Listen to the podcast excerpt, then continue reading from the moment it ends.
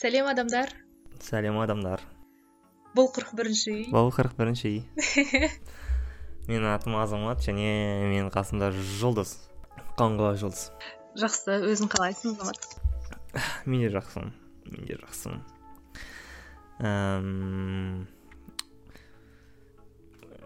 Каждый эпизодтың алдында айтушы едік қой ол қырық бірінші үй ол қыздарға арналған немесе қыздар туралы әңгімелер деген сияқты. Сосын сен өткендегі сұрағаннан кейін ә, осылай айтқаннан кейін ә, осылай айтқаннан кейін жігіттер не үшін тыңдау керек екенін түсінбей қалады деген. Мхм. Оны маған бір жігіт айтты. Сендер басында ә, қызға қыздарға арналған подкаст деп айтқан кезде тыңдағым келмей қалады дейді түсіндім түсіндім. Мен де ойланып қалдым сол туралы. Менің ойымша менің ойымша біздің осы интродағы формулировкаларымыз дұрыс емес сияқты. Қалай ойлайсың? Ә, иә өйткені біз айтамыз ғой інілеріңе жіберіңдер ә, ұлдарға вообще керек па феминизм деген сияқты тақырыптарды қозғаған кезде біздің аудиториямыз тек қыздар емес екені белгілі болатын сияқты. а вообще иә в основном даже жігіттер болғаны да керек шығар. Білмеймін білмеймін. Но мынадай бір мынадай бір ііі альтернативный интро тап таптым деймін ба қалай ұсынып жатырмын бізге қырық бірінші үйді таныстырғаннан бөлек өзімізді де таныстыру керек сияқты вот мен азаматпын және ә, мені қыздардың мәселесі алаңдатады жігіттердің де мәселесі алаңдатады және сол нәрселер мен өзіме өміріме қатысты екенін түсінемін сеземін. Және ә, сол үшін қырық бірінші үй бар менде. Менің өмірімде бар вообще. Сен өзіңді қалай таныстырушы едің? Мхм.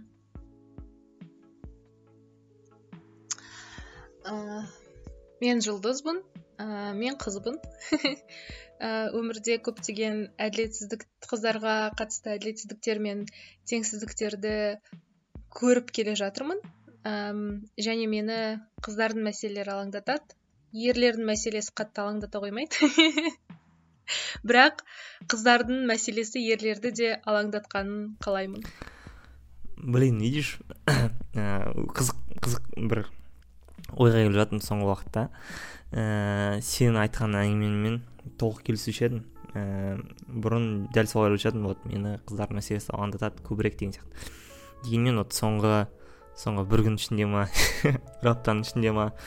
Ә, ол дұрыс емес деген ойға келіп жатырмын. Мені қыздардың мәселесі алаңдатқаны дұрыс бірақ ә, бәрінен қатты алаңдатқаны дұрыс емес деп ойлап жатырмын. Себебі менің ойымша ә, ең маңызды мәселелер сен өзіңе қатысты мәселелер болуы керек или болуы мүмкін. То есть қалай болған күннің өзінде де сен айтып жатқан мәселені сен сияқты түсінбеймін ғой мен. Сен сияқты сезінбеймін. Бірақ мен өзім жақсы сезінетін және сол ә, сол деңгейде маңызды заттар бар. Ә, қазір ойлап отырсам сен айтып жатқан әңгімеңді толықтай жаңағы симметрично айта аламын. Ә, мені көбірек жігіттердің мәселесі алаңдатады және қыздарды да жігіттердің мәселесі алаңдатқанын қалаймын деген. Алаңдатқанын ба білмеймін. Хотя бы сол туралы ойланғанын қалаймын деген сияқты. Өйткені оның ә, өте қарапайым және жалғыз ғана логикасы бар. Өйткені мен мен мен ғой ол. Мен ең бірінші өзім туралы алаңдауым керек емес па деген ой. Ә, және өзімнің жағдайымды шеше алмай тұрып басқалар басқаларға қалай көмектесе аламын деген. Ә, қисыннан туып отыр. Бүгін жігіттер туралы әңгіме айтайықшы ә, дұрыс айтасың ғой? Иә дұрыс айтасың. Бірақ м сол да күшті сияқты. Егер сен шынымен де мені жігіттердің мәселесі көбірек алаңдатады деп алсаң екеуміз ә, екеуміздің өмірімізде көбірек не алаңдатады арқылы ә, байланыс тауып подкастты мәнді де мағыналы етіп одан да көбірек иә иә пайдалы бола ма екеумізді екі түрлі мәселе алаңдатып иә екеуің тоғысқан жерін айтқан күшті сияқты. Біз әркез қандай да бір тақырыпты қозғайтын кезде бір ә, конкретный мысалдан бастаймыз ғой. Біз конкретный ә, оқиға оқиғаға негізделіп сол соның білмеймін теориясын қараймыз да практикасын қараймыз да сондай бір нәрсе болады ғой. Ә, осы жағдайда типа осы эпизодтың басында конкретно бір оқиға ә, айта аламын ба білмеймін дегенмен ә, конкретный бір жағдай туралы айта аламын. Жағдай болғанда қалай статус кво менің дей ма. Мен вот 2018-ден бастап па кейін әйтеуір ә, жаңағы махаббаттың түсі деген фраза ойлап табылғаннан бастап адамдардың арасында о мен вот ә, сезімдерді зерттеймін ә, деген бір ә, волна пайда болды сондай. Ә, өзіме өзіме өзіммен өзім ниша таңдап алған сияқты болдым. Хотя ә, хотя ә, ешқандай ешқандай экспертность жоқ және ешқандай алғышарт жоқ. Өзіммен өзім сол солай айта бастадым және солай бола бастады. Дегенмен ә, сол сол уақытта түсінбеген секілдімін ә, сезімдерді зерттеу деген ол ең алдымен өзіңді зерттеу өзіңнің сезімдерін зерттеу дегенге байланысты. И қазір ә, қазірдің өзінде ә, сонша уақыт өтсе де мойындаймын ә, сезімдерге жұтаң екенімді ә, өте өте аз ә, сезімге берілемін өте аз эмоцияларымды шығарамын. Және теорияда бұның қаншалықты маңызды екенін түсініп тұрсам да әлі күнге дейін ә, әлі күнге дейін соны не выработал дейді ғой. Сондай болып тұр. Мхм. Мәселен мәселен бір ә, оқиға айтып берейін саған чтобы шамалы жақсы түсінік болатындай. Және ә, өсек болсын короче. Ә, бір шама уақыт бұрын жарты жыл бұрын ба екен бір ә, әңгіме болған әсел екеуміздің арамызда. И екеуміз ә, всякий всякий өзіміздің жақын адамдарымыз туралы айтып жатқанбыз. Вот ә, типа ә, блин нақты айту қиын болып тұр бірақ ә, сол әңгіменің барысында мынадай болған. Ә, бүкіл әлемге жаловаться етіп блин мамам мені түсінбейді папам мені түсінбейді деген сияқты ә, нәрседен басталып сосын е ол кісілердің де заманы қиын ғой дегенге жалғасу керек болған.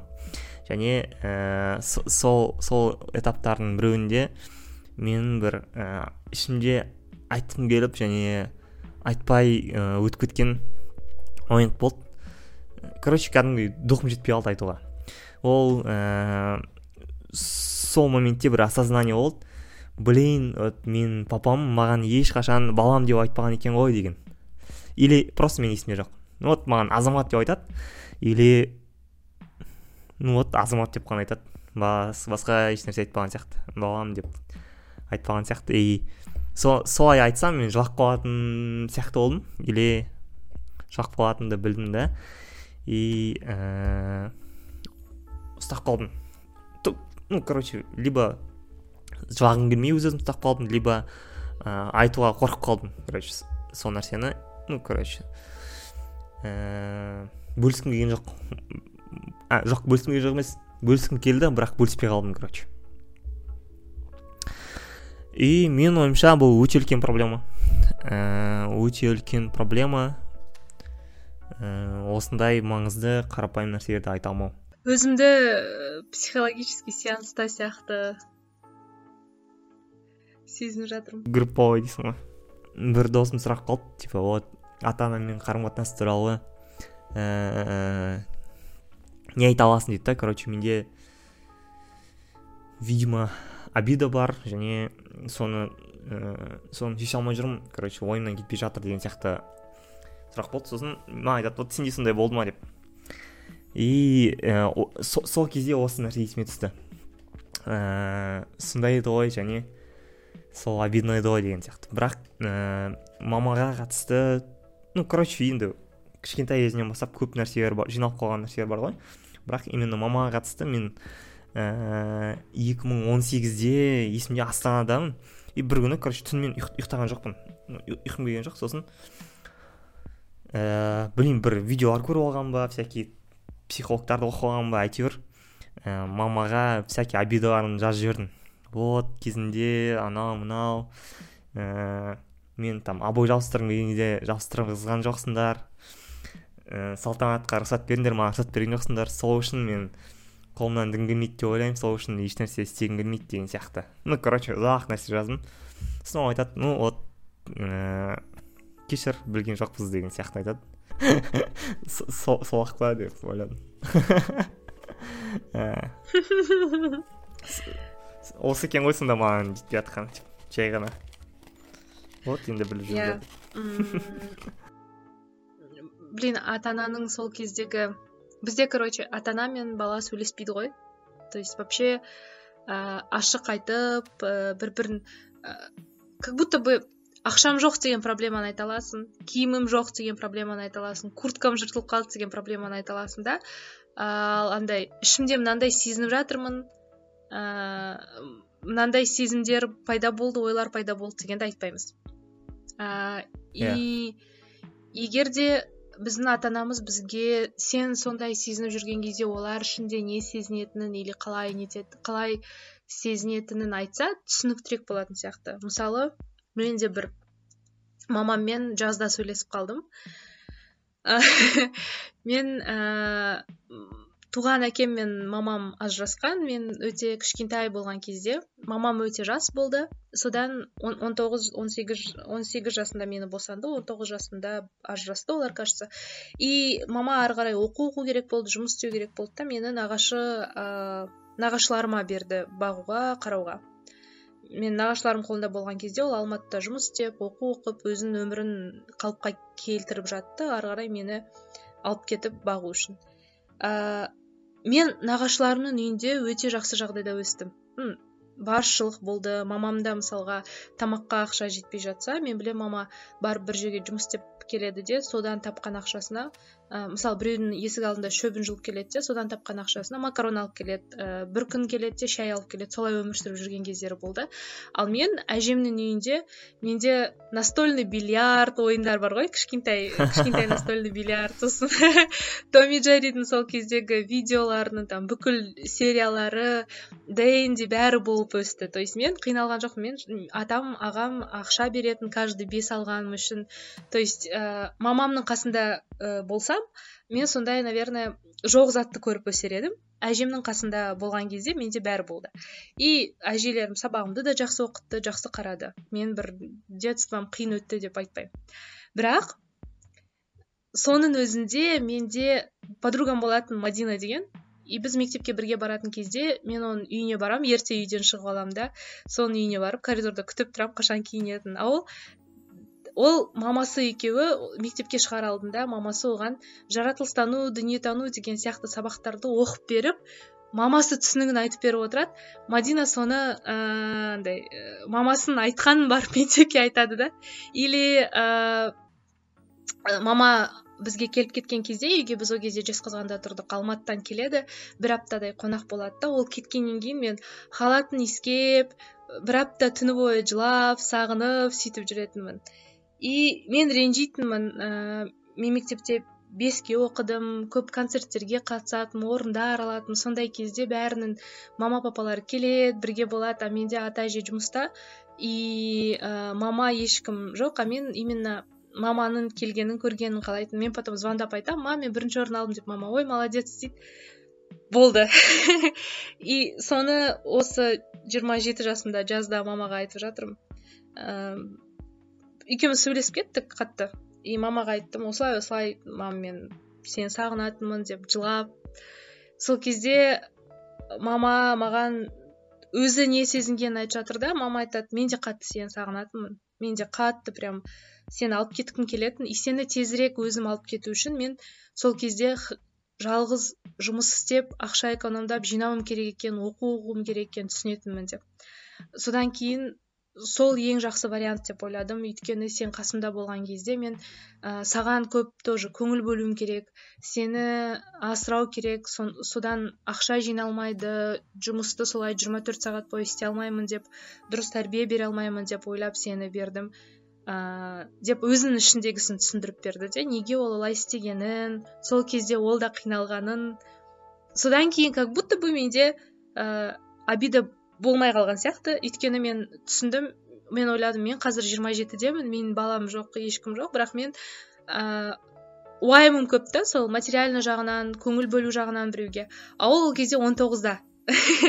Не ә, дипломы жоқ не жұмысы жоқ ә, и мен ойладым мен 19 жасымда қолымда бір жасар бала болып жалғыз қалсам не істер едім деп. Ну наверное тоже мамама апарып беретін едім баланы баға тұршы пожалуйста деп андай. И сол сондайды түсінгеннен кейін ғана хотя мы с мамой об этом не разговаривали. И содан кейін сол бір әңгімеден кейін біз көбірек сөйлесетін болдық. Мысалы сондай әңгімелер ғана бізді кішкене ә, ата анамызды түсінуге олармен бір қарым қатынасты орнатуға көмектесетін сияқты. Вот эта вот культура ә, вообще әңгіме айтпау керек сөйлеспеу керек деген культура өте жаман. Иә? А сондай культура бар ма өзі әңгіме айтпау керек деген менің ойымша просто видишь айтып көрмейміз культура жоқ бірақ жазылмаған сияқты бар сияқты да андай. Иә. Сөйлеспейміз ғой вообще. Біздің ата аналарымызға как будто вот жаңағы көзбен көретін проблеманы шешу керек те. Потому что оларда да ата аналары солай шешкен. Мысалға менің мамама да әке шешесі мен сені жақсы көремін сен төмен баға алып келсең что чувствуешь? деген сұрамаған ғой. Например ол төмен баға алып келсе жаман баға алып келсе ну оқы көбірек деп айтады иә. Или там ә, біреуде ә, қарның тоқ киімің бар все как будто баланың басқа проблемасы жоқ сияқты да? То есть я все делаю чтобы ты был одет обут и накормлен. Көзбен көруге болатын проблеманы ғана шешетін сияқты мхм. Еш қалған нәрселердің проблема екенін өзің білмейтін болар скорее иә. Себебі менің ойымша олар ә, баланың сондай жағдайын ә, олар ойлайды конечно типа мен балам адам болып өссін жақсы болып өссін анау мынау деп. Ә, просто неге сондай ішкі ә, затқа мән бермеген? Во первых наверное жұмыс істеп қолдары тимеді. Екіншіден менің ойымша олар өздерінің ішіндегі де сезімдермен ешқалай жұмыс істемеген ғой. Типа өзінің ішіндегі чувстволар қайдан пайда болып жатыр не сезініп жатқан өздері анализ жасамайды анықтамайды. Сондықтан да екінші адамдікін да сезіну қиын ғой. М сол сияқты негізгі мәселе. Ана стендап есіме түсіп кетті көргенсің ба? Айна мусинаның біздің қазақ айтады ғой. В детстве в детстве мне нельзя было ходить с недовольным лицом дейді да это мама воспринимала как, э, как прямая к ней претензия дейді сосын что ты что ты так ходишь? Что за лицо? Вечно недовольно идется. Мам, ты только что меня наругала. Можно мне чуть-чуть погрустить? Сосын айтады, но сильно смеяться тоже нельзя было дейді да өйткені что ты такая довольная көп күлген бір жылайды деп сол прям жизненно. Вообще бұдан бөлек бұдан бөлек біраз мысал ойлағанмын. Ә, айырмашылыққа байланысты типа біз бізде қыздарға байланысты осындай проблема жоқ жігіттерге қатысты бар деген сияқты. Мысал үшін мысал үшін ә, там не знаю бір праздничный датаны ұмытып кетсе ол тек еркекке ғана претензия болады условно. егер э, там не знаю ну вот қыздар қыздарға не істесе де жарасады мысалы үшін вот ә, вот мой тебе подарок деп там тамақ істеп берсе о это считается или не знаю ә, давайте поцелую десе вот считается да А жігіттерде ондай тема жоқ қой. Жігіттерге қатысты ә, олар оларға әркез ә, чем-то большим надо заслуживать. Ә, және және ол нәрсені басқа адамдардың бәрі бағалайды. То есть подруги ә, там, подписчики кто еще деген сияқты мама деген сияқты. А жігіттерде ондай жоқ. Типа вот ешкім сұрамайды жігіт достарынан ешқайсысы вот сенің қызың ә, не істеді кеше? деген сияқты сұрамайды. Или там қандай подарок берді? деп сұрамайды ешкім. Или ә, ну вот покажи деп айтпайды ешкім. Сторисқа салмаймын дейсің ғой.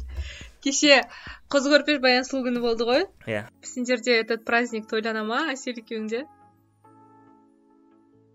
теоретически да. Но айдың ортасы болған праздниктарды тойлау қиын бізде. Вот. Алдында дебатқа барған кезде тоже бір тақырып ойнап жатқан кезде ә, ақылжан аргумент ретінде айтып жатыр да. Мен қызыма гүл сыйлап сыйласам ол сторисқа салса оны оны көретін менің туысқандарым ағаларым інілерім әпкелерім немесе мамам айтады сосын әне қыз жанды болып қызына береді мамаңа неге гүл бермейсің сестраңа неге алып бермейсің? деп. Тоже из этой категории что от вас много чего требует. А еще ана ойға қалай қарайсың? Әм, қыздар мои деньги это мои деньги твои деньги это наши деньги дейтін. Иә иә бізде сондай әңгіме бар сондай әңгіме бар. Хотя стараюсь сопротивляться как могу, конечно, но э, не совсем получается, и, скорее всего, в итоге не получится. Скорее всего. мен негізі андай жүрегіммен қалаймын солай болғанын типа мои деньги мои деньги еще плюс его деньги дейтін бірақ ыыы енді әділеттілік анау мынау үшін выступать етіп жүргеннен кейін түсінемін что наверное как то либо это общие деньги все либо да иә иә не смотри э, вообще э, на практике бұл ә, жаман нәрсе емес то есть еркектердің бәріне ұнайды басқа адамдарды обеспечивать еткен олар өзін жақсы сезінеді егер өзін, өзінің әйеліне ақша берсе или там сол сол ақшаға біреу сыйлық алса или там довольны болып жүрсе деген сияқты. Но мына жердегі әңгіме ол басқа да әңгіме ә, менің ақшамды біреу пайдалана ма деген нәрсе емес әңгіме ә, әңгіме ә, мынада ғой ә, мои және твои деп бөлінеді вот айқын айқын бөлініс бар. Және ол бөлініс айқын ә, дұрыс емес. То есть ә, бұдан бұдан жапа шекпеймін жатқан жоқпын. Но сондай ә, сондай определение дұрыс емес. Короче меніңше ол сол фразаның өзінде үлкен проблема бар. Аха. Мхм вообще любой адамға жігітке ғана емес пайда тигізген ә, ақшаң арқылы көмектескен бір ә, бар болса иә жақсы чувство сыйлайтын сияқты негізінде я тоже чувствую себя классно когда помогаю деньгами родителям это конечно это очень редко бірақ или там ыыы інім мен братишкам інім мен сестренкама ыыы сіңіліме бір нәрсе алып беріп жатсам немесе оларға бір солай көмектін тигізе алсам плюс ә, менің ойымша жаңағы сен айттың ғой жігіттерге ұнайды немесе өздерін жақсы сезінеді деген вот сұрақ сондай олар солай пайдасы тигеннен жақсы сезінеді ма? Жоқ әлде опять таки қоғам ер адамды асыраушы бір нәрсе бол деп айтқан кезде олар сол критерийларға соответствовать ететін болғаннан кейін күшті сезінеді ма? Түсініксіз сияқты енді ә, білмеймін екеуі де болуы мүмкін но точно бір нәрсе бар ол ә, еркектерде сондай бір довольство беретін ә, ситуациялар болады өздеріне довольны болып қалатын. Ол ол довольно деген өзін қажетсізінген кезде ғой. Ну то есть вот я я стою чего-то и мен ыыы қалай айтсам екен мен қандай да бір маңыз, маңызға иемін деген сияқты. Но ә, жаңағы жаңағыны бір ә, түсіндіретін сөз тапқан сияқтымын. Бұл ә, мына мына нәрседе емес вот мені пайдаланып кетеді пайдаланып кетпейді деген сияқты нәрседе емес. Ол ә, екі адамның ортасында келісім болған кезде осы келісімде әр әр кез мен бір нәрсеге должен боламын және мына қыз әр кез еш нәрсеге до, ә, міндетті болмайды деген. То есть ә, менің ойымша ол қиын ә, сондай сондай келісімге бару где сен бәріне міндеттісің деген. То есть ты просто обязан и все а, а если что я нет деген сияқты өйткені ә, солай болса әркез ә, параллельный всякие ә, нюанстар жасауға болады вот ә, ну типа ә, там. И, если что там мен тамақ пісіретін болсам мен өзіме өзіме ғана пісіргенім жетеді ал сен пісірсең біз бәрімізге пісіруің керек деген сияқты соны или ә, знаю мен мен үй жинаған кезде өзім частьін жинаймын ал сен бүкіл үйді жинауың керек деген сияқты. Түсіндіре алдым ба? То есть ә, мәселе мынада емес типа мен үй жинаймын ба или мен тамақ пісіремін ба деген нәрседе емес. Или мен тамақ пісірген кезде кім үшін пісіремін ә, или там неше адамға пісіремін үй жинаған кезде қаншалықты үлкен жерді жинаймын дегенде емес. Әңгіме получается мен ә, мен должен емеспін вообще үй жинауға. Мен ә, тамақ пісіруге вообще міндетті емеспін. Ал сен міндеттісің дегенге келеді. Түсіндіре алдым ба? Осындай условия менің ойымша қыздарды қыздарды ә, не должно устраивать. Так же как ә, мына екінші условия жігіттерді. Құдай ай қазақшам мен орысшам. Иә иә иә бір бірінің бетіне сүй болды егер де әділеттілік үшін айтатын болсақ ыыы егер сендерге түзде дейді ғой сыртта сондай ыыы жауапкершілік артылатын болса сендер семьяны асырайтындай ақша табуларың керек ал әйелдің ақшасы тек өзінікі и так далее дейтін кезде м іште сендерге вообще міндет қойылмайды да. Ыыы мысалға бала бала тәрбиелеу мен асырау кезінде еркектер не участвуют в этом процессе. Ә, например, бала асырау кезінде даже андай түсінік жоқ типа ә, баланы екі жақтан там түнде мен екі рет оянамын сен екі рет оянасың деген жоқ әйел ояну керек сияқты ә, оның бүкіл садигін курс қандай да бір курстарын бір нәрсесін бәрін әйел біледі мұғалімдермен бәрімен сөйлесетін анасы ауырып қалса қандай дәрі беру керек бәрін білетін анасы деген сияқты. Мм енді ол осы дұрыс емес қой. Соны айтып дұрыс емес. Иә дұрыс емес. И менің ойымша ә, адамдар сол зона ответственности бөле алу керек сияқты. Типа сенің қолыңнан күшті жұмыс істеу келеді. Онда анау спор болып жатыр ғой. Ә, декретный отпуск туралы. Типа әйел отыру керек па еркек отыру керек па? Если у жены больше там перспектив карьерного роста көбірек ақша табатын болса әйелі жұмыс істесін күйеуі декретный отпуск алсын деп айтады ә, феминисткалар. Ә, и неге мен оған күлдім? Өйткені біздің қоғамда вообще невозможно сияқты көрінеді да маған. Ә, и қарым қатынаста солай екеуіне ыңғайлы ә, алгоритмдарды ойлау керек сияқты кім нені жақсы істей алады кім неге жақсы жауапкершілік ала алады деп. Ә, мысалы біз мұғалімдермен ә, менде центр болды ғой сол кезде. Сол жердегі мұғалімдермен администратор қыздармен всегда восхищались ә, мужчинами которые жаңағы папалары баласын алып келеді центрға бізден бәрін сұрап консультацияны өзі алады. Мұғалімдермен танысып мұғалімнің квалификациясын бәрін өзі біледі баласын жазады ақшасын төлейді өзі хабарласып успеваемостін сұрайды. Өйткені біздің көзіміз әйелдер ғана істейтініне үйреніп қалған ғой. Біз жаңағы папалары сондай заинтересованный болған кезде қыздармен блин мне бы такого мужа деп хотя үйінде қандай екенін білмейміз да но просто бір балаға көңіл бөлгені біз үшін вау болып көрінеді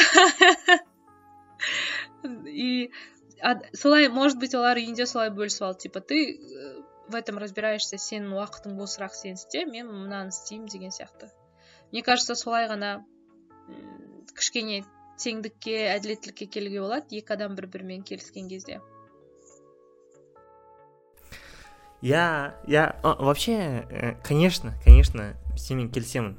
Бүкіл нәрсе егер обоюдный келісіммен болса онда ә, бұнда тұрған ешнәрсе жоқ. Но ә, ол келісім деген ә, кәдімгі екеуі талқылап вот давай осылай істейік дегеннен кейін келу керек қой. Солай ма? Иә. Вот.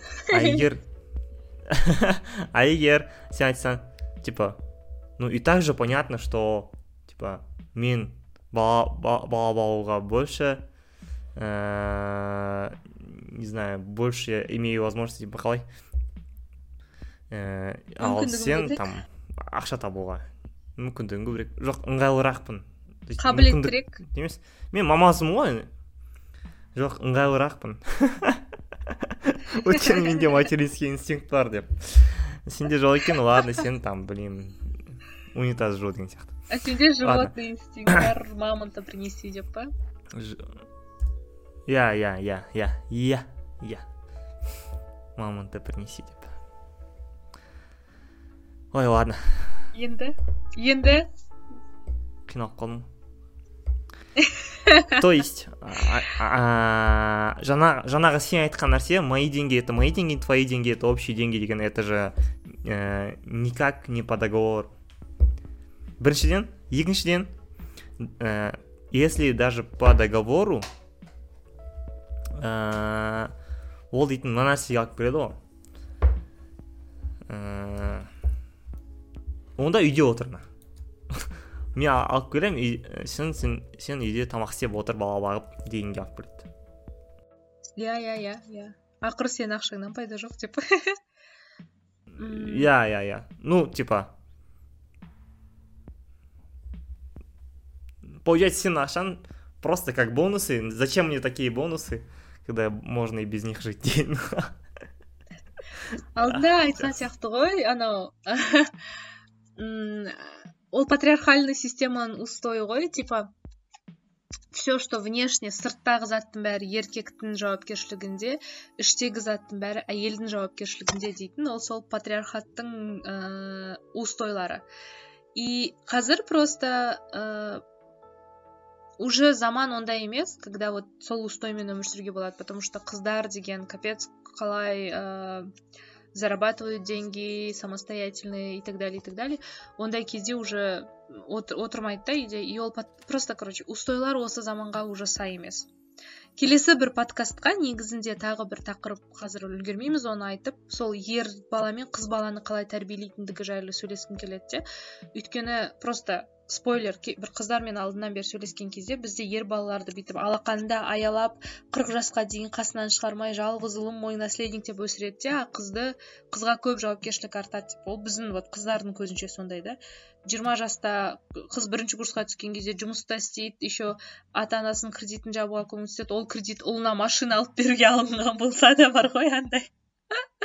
короче ал ұлдарын бүйтіп э, аяп осы өмірден бүйтіп өсіреді деп сондай ойларды алдында көп айтып жүрміз қыздармен сол туралы сенімен сөйлесейін дегенмін тоже жазып алуға болады. Ал жаңағы әңгімеге оралатын болсақ ол патриархаттың устойы и мен алдында ойладым қалай осыған әсер етуге болады. Менің ойымша тек ә, культура индустрия арқылы кино индустрия ән индустриясы арқылы себебі мои деньги твои деньги деген анау тоқсаныншы жылдардағы бандитский фильмдардан қалған сияқты когда саша белый бригадада сидит и әйеліне типа мои проблемы это мои проблемы твои проблемы это мои проблемы деп андай өзінше болып отыратын и и все типа белый какой классный деп ә, тащились қой негізінде өте абьюзер адам ғой но видишь ол жақта наоборот айтып жатыр ғой бірақ если фильм пересмотреть мен жаздама көрдім былтыр Очень капец абьюзер он вообще. И хотя сол өте андай романтичный образ ретінде қабылданды сол кездегі фильмдардың әсерінен әндердің әсерінен где типа люди под гитару поют какая у них тяжелая судьба типа девушка бросила из армии не дождалась и так далее.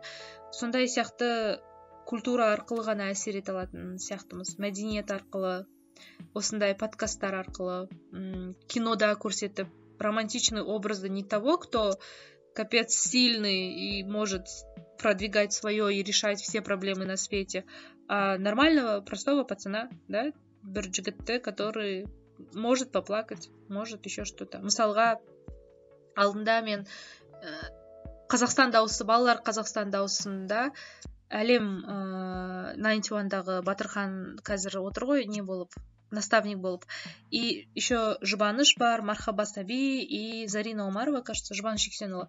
Сонда бір кішкентай бала 11 жастағы оған төртеуі де бұрылған жоқ и бұрылып танысып жатқан кезде жылап қалды да ешкім бұрылмағанына. Сонда жұбаныш жексенұлы айтып жатыр жігіт деген осындай затқа жылай ма? Жігіт емессің ба? Жігіттер жыламайды деп айтты да. И сонда әлем айтып жатыр. Кім айтты оны? Жылайды жігіттер жылай бер деп андай. Жылағың келе ма? Жыла ішіңдегіні шығар деп айтып жатыр да.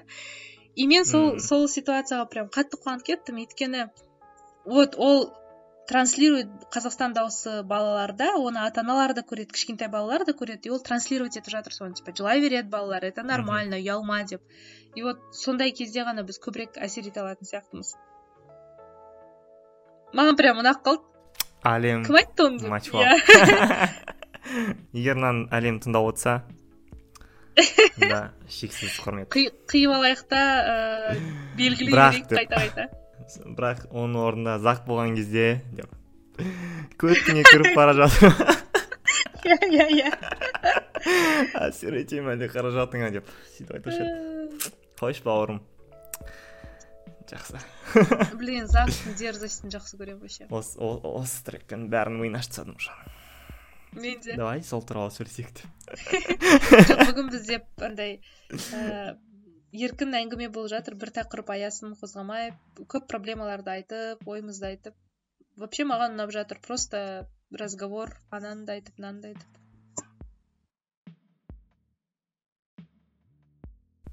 Негізі негізі ііі бір бір орында болған кезде намного намного душевнее было бы. Иә. Студияда деген сияқты. Сол алматыға баруым керек. Көшіп келші сен. Мен көшейін деп жатырмын но сен білесің қайда екенін. Алматыға емес. Иә. Бірақ мен ә, бір жігіттерді мақтағым келіп тұр. Ә, мысалға біздің жеті жарғыдағы дидар мен олжас сияқты жігіттер.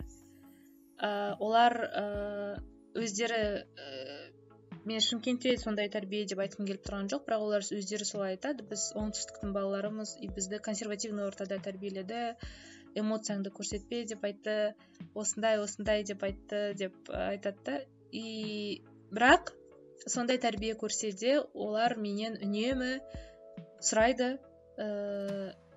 былай ойлаған былай істеген дұрыс па? Сіздер подка біздің подкастты тыңдайды біз сіздің подкастта осылай естідік. Ішімде типа протест болды ол дұрыс емес қой деп бірақ сосын ойлана келе негізінде қыз жағынан қарап осы жақсы екен ғой деп ойладым деп. Және ә, дидардың ә, қызы махаббаты да феминистка сияқты соны ол айтады. Онымен де көп спорласқан кезде ә, түсіне бастаймын деп айтып жатыр да. Және сондай рефлексирующий ер балалар ә, және қыз балаларда иә құқықтар туралы білмейтін немесе оларды да консервативный ортада тәрбиелеген қыз балаларда шынымен де ойланып салыстырып сұрап білмегенін іздеп қарап оқып тыңдайтын вообще оларды респект вообще уважаю. Сондай жігіттер мен қыздардың бар екенін айтқым келеді. Өйткені типа жаңағы тәрбиеленген төрт қабырғада ғана емес түсініктерін ол стеналардан шығарып ә, түсінуге тырысып иә келісетін жерінде келісіп келіспейтін жерінде мен келіспеймін себебі осылай деп адекватно ә, ойланатын адамдар көбейіп жатқанына өте қуаныштымын. В общем енді дидар мен олжас ә, осы эпизодты басқаларға тыңдатып иә біз туралы айтып деп өткендегідей охват көбейтеді деп үміттенеміз кстати кстати мен де сондаймын по сути. Мен ә, тоже өте консерватив ортадан шыққанмын ә, бірінші курстағы түрімді білесің ғой. Сондай. Ә, және және астанаға көшкеннен кейін біраз қатты өзгердім. Вот менің класстастарым бәрі айтады бір жылдан екі жылдан кейін. Е типа бұрынғы азамат қайда қайтар бізді деп. Мен айтамын ема сен. Кешір деп. Кешір иә сен айтпадым бір себебі сені екі, екі сезон бойы мақтап келе жатырмыз ғой. Е енді видишь андай ғой. Андай не бар ғой. Ііі история ойлап табады ғой. Ну в смысле всякий бір ііі миллиардер айтады ғой ой кезінде мен бейшара болғанмын деген сияқты. Сол сияқты ғой. Кезінде мен ишак болғанмын неадекват болғанмын что у каждого есть шансы деген сияқты. Азамат молодец деген нотада бітіреміз ба? Как обычно как обычно. Все ә, бұл қырық бірінші және бұл біздің нешінші эпизод. Алтыншы ма бесінші ма сондай және қазақтың ә, қыздарына қырық үйден бар дегенмен әркез қолдайтын қорғаштайтын вот сен молодецсің және еркінсің. Еркінсің деп айтып отыратын тағы бір үй бар. Сол үйдің әңгімесін тыңдауды да ұмытып кетпеңдер. Давайте.